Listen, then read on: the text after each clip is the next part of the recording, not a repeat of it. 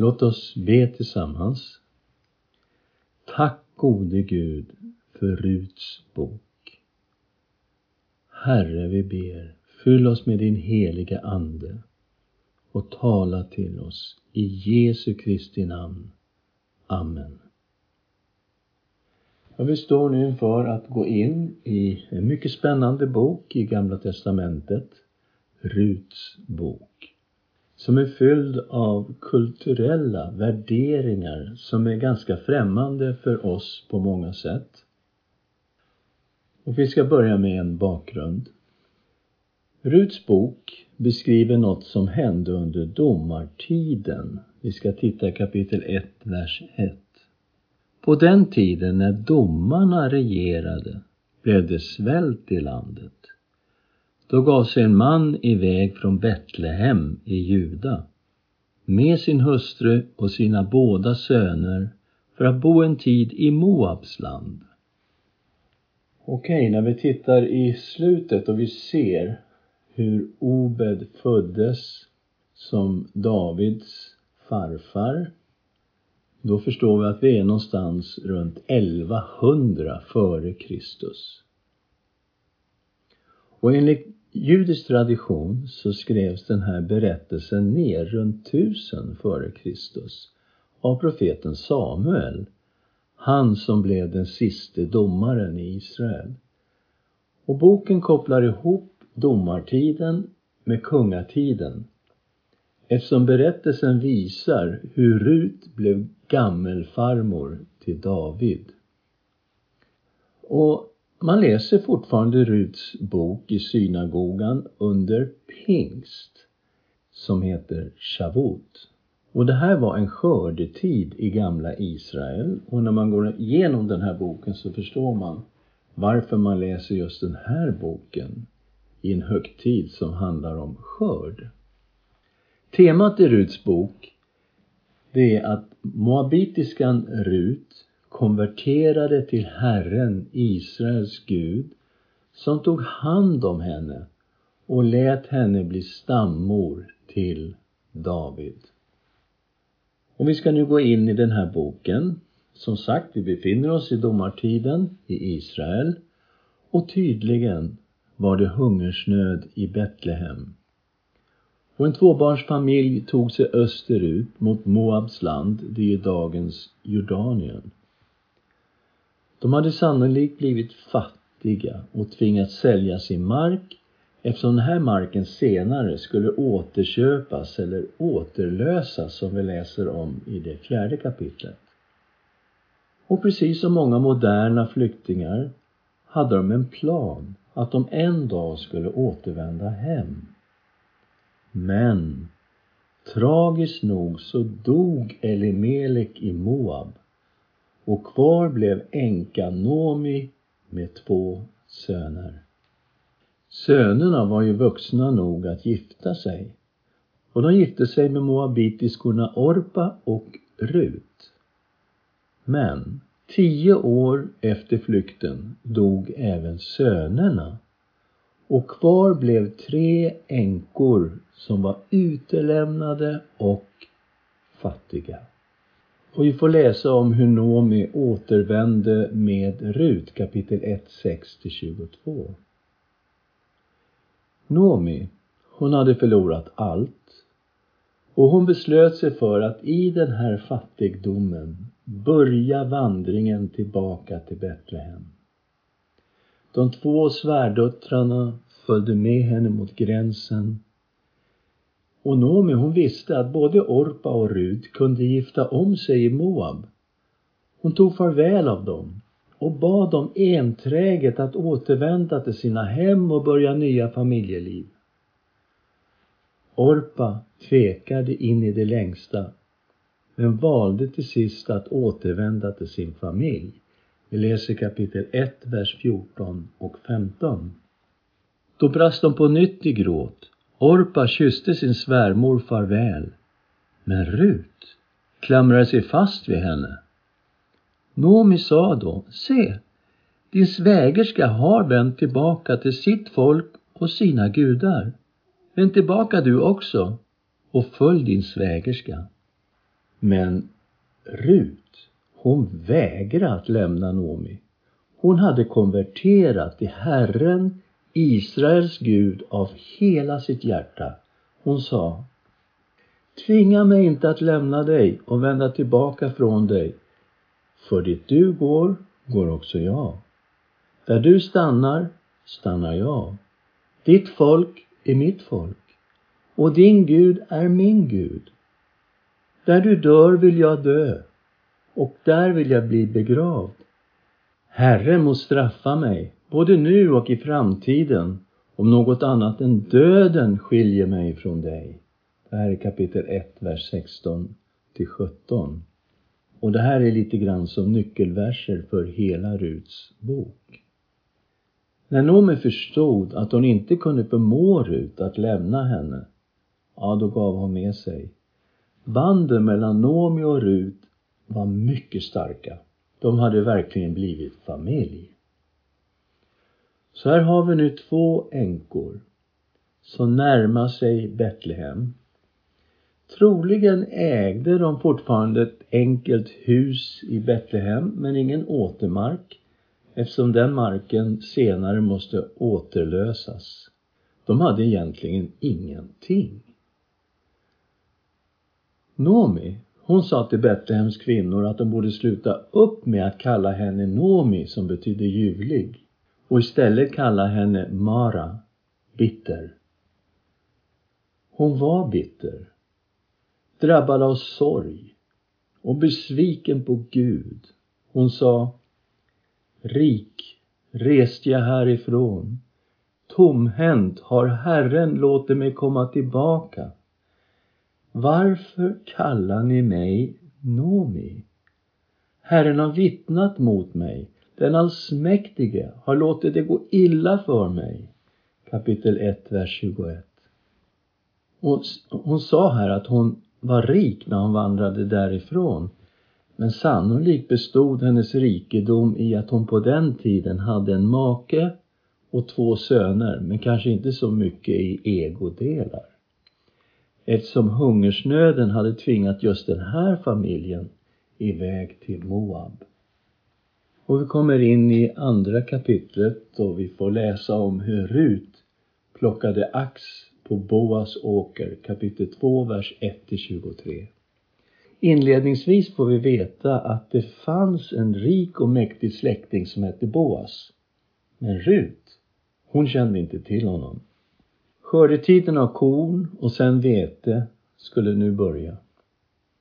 Och Rut föreslog att hon skulle plocka ax som blivit kvar på marken efter skörden. Och fattiga personer hade den rättigheten i Israel. Vi läser i tredje Mosebok kapitel 23, vers 22.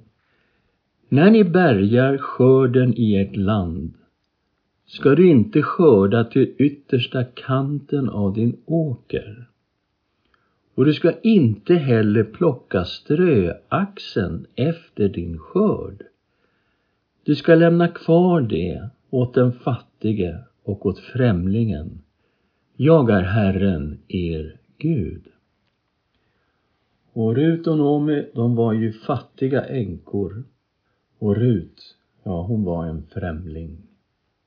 Man kan säga att Gud hade en omsorg om de fattiga och om främlingarna.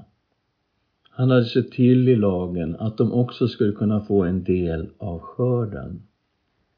Och Rut, hon gick ut för att plocka ax och som en händelse hamnade hon på Boas marker. Rut bad skördemännen om lov att få plocka strösed och det fick hon. Boas, han kom ut vid lunchtid för att se till skördearbetet och han undrade vem den här främmande kvinnan var. Man förklarade att hon var moabitiskan som hade kommit med Nomi. Och på en gång så insåg Boas vem hon var och att hon faktiskt var ingift i släkten genom en av Elimeleks och Nomis söner. Boas behandlade henne väl och han såg till att hon fick plocka extra mycket strösed. Han gav henne tillstånd att plocka ax under hela skördetiden och sa strängt till männen att inte röra henne. För hon var ju oskyddad på något sätt och kunde bli antastad. Men Boa sa till dem att de fick absolut inte röra henne. Och Rut fick ihop runt 22 liter kornax den dagen. Nomi, hon blev ju chockad över den stora skörden och hon förstod ju att Rut hade fått hjälp. Då berättade Rut för Nomi att de plockat ax på Boas åker. Och då sa Nomi, välsignad vare han av Herren som inte tagit bort sin nåd från vare sig de levande eller de döda. Och Nomi tillade, den mannen är vår nära släkting. Han är en av våra återlösare. Och det här med att Herren inte hade tagit bort sin nåd från vare sig de levande eller de döda. Och då tänkte hon förstås på sin man och hon tänkte på sina söner. Och så kopplas det in här nu att Boas var en nära släkting och att han var en återlösare. En återlösare, det var en nära släkting som hade rätten att köpa tillbaka en död släktings mark till släkten. Och samtidigt en skyldighet att gifta sig med en eventuellt barnlös änka. I det här fallet Rut. Och tanken var att han på så sätt skulle ge den döde en arvinge. Jag ska läsa två bibelställen. Tredje Mosebok kapitel 25, vers 25. Om din broder blir fattig och säljer något av sin besittning ska hans återlösare komma till honom och lösa tillbaka det brodern har sålt. Så här är tanken med en återlösare som köper tillbaks en fattig släktings mark. Och vi ska också läsa femte Mosebok kapitel 25, vers 5 och 6. När bröder bor tillsammans och en av dem dör utan någon son ska den dödes hustru inte gifta sig med någon främmande man utanför släkten. Hennes svåger ska gå in till henne och ta henne till hustru och så uppfylla sin plikt som svåger. Och den första son hon föder ska få den döde broderns namn för att dennes namn inte ska utplånas ur Israel. Och här har vi nu hela denna tanke med en återlösare som kan återlösa marken. Här finns också skyldigheten att gifta sig med en eventuellt barnlös änka. Och i det här fallet var det alltså Rut. Och vi ser att tanken var att han på så sätt skulle ge den döde en arvinge. Och så får vi läsa i kapitel 3 hur Rut på ett väldigt kulturellt sätt friade till Boas. Skörden var nu bärgad och det var dags att tröska. Och Boas han hade för vana att sova på tröskplatsen. Och det var ju för att minimera risken av stöld under en väldigt känslig del av skörden innan allting var bärgat. Nomi, hon hade förstått att Boas tyckte om Rut och hon kom därför med ett djärvt förslag, men det var inom kulturens ramar. Rut skulle i skydd av mörkret lägga sig för att sova vid Boas fötter, under hans mantelflik. När Boas vaknade visste Rut vad hon skulle säga. Jag är Rut, din tjänarinna. Bred ut din mantelflik över din tjänarinna, för du är min återlösare. Det här var ett kulturellt sätt att fria. Och Rut fick ligga kvar vid Boas fötter med löfte att Boas skulle ta tag i hela situationen. Dessutom så fick hon sex mått färdigtröskad säd som gåva till Nomi. Och vi kommer in i det fjärde kapitlet och finner att Boas gifte sig med Rut, kapitel 4, 1 till vers 22. I stadsporten samlades domare och äldste för att avgöra tvister. Boas, han ropade till sig den återlösare som stod Elimelek närmast. Så Boas var alltså inte etta, han var nummer två. Men Boas förklarade situationen med Elimeleks mark som kunde återlösas. Till saken hörde att den som löste in marken var förbunden att gifta sig med den dödes änka, det vill säga Rut. Återlösaren var villig att köpa marken, men han var inte villig att gifta sig med Rut. Boas köpte då tillbaka Elimeleks mark och som bevis på köpet och hela avtalet så tog återlösaren av sig sin sko och gav den till Boas. Det här var ju ett enkelt och genialiskt sätt att bekräfta ett avtal i en till stora delar illitterat kultur. Och allt det här skedde med stadens äldste som vittnen. Boas gifte sig med Rut och de fick en son vid namn Obed. Och mycket riktigt, Nomi och hennes avlidne son fick en arvinge genom Boas och Rut. Så här läser vi 4.17. Grannkvinnorna gav honom ett namn och sa Nomi har fått en son. De kallade honom Obed och han blev far till Ishai, Davids far. Nomi var så lycklig och det var hon som fick i uppgift att uppfostra Obed. Allt det här kan ju låta mycket märkligt i våra öron. Men i den kulturen var det helt naturligt. Vi ska göra en reflektion över Ruts bok. Den här boken visar att hedningar kunde i gammaltestamentlig tid bli en del av Guds utvalda folk genom ett medvetet val. Det vill säga genom en konvertering.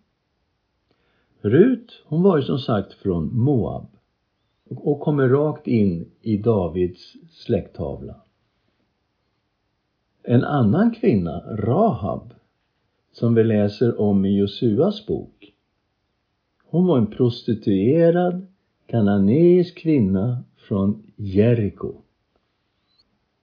Och vi läser att hon tog emot spejarna som hade sänts ut och hon gömde dem, beskyddade dem och lät dem fly när man jagade dem. Så hon beskyddade de här spejarna.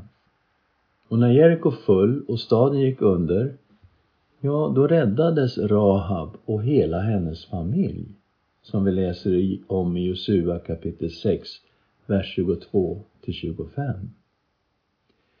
Och i Hebreerbrevet 11 har vi en uppräkning av människor som levt av tro. Och i den här uppräkningen av människor så finns också Rahab. Hebreerbrevet 11, vers 31. Genom tron slapp den prostituerade Rahab att gå under med de som inte trodde eftersom hon välkomnade spejarna som vänner. Och båda de här kvinnorna, både Rahab och Rut, finns ju med i Jesus släkttavla som vi läser om i Matteus kapitel 1 och vi ska läsa den femte versen och början av den sjätte. Och det här är ju då släkttavlan. Salmon blev far till Boas genom Rahab. Bohas till Obed genom Rut. Obed till Ishai och Ishai till kung David. Vi kan också se hur Gud såg till de här änkornas utsatta situation. Rut och Nomi, de hade förlorat allt. Gud hörde deras böner om hjälp. Och tänk att Ruts son Obed fick bli kung Davids farfar. Men tänk också att David överhuvudtaget fick födas. Och i förlängningen Jesus Kristus som är Davids son och Guds son. Här öppnar ju märkliga perspektiv av hur Gud har kontroll över historien och att han leder människor på sina märkliga sätt. Låt oss be tillsammans. Tack Herre för Ruts bok. Tack för din omsorg om de svaga, de utsatta, de drabbade, de som har haft så mycket problem i livet. Och vi ser de här två änkorna, Nomi och Rut. Men hur du tog hand om dem och hur du öppnade märkliga dörrar och hur Rut fick gifta sig med Boas och hur Obed fick födas och sen hur han fick bli farfar till kung David. Tack gode Gud att du har hand om oss och att du ser oss i våra situationer. Tack för din omsorg och din barmhärtighet och de fattiga och faderlösa och änkorna och främlingarna. I Jesu Kristi namn. Amen.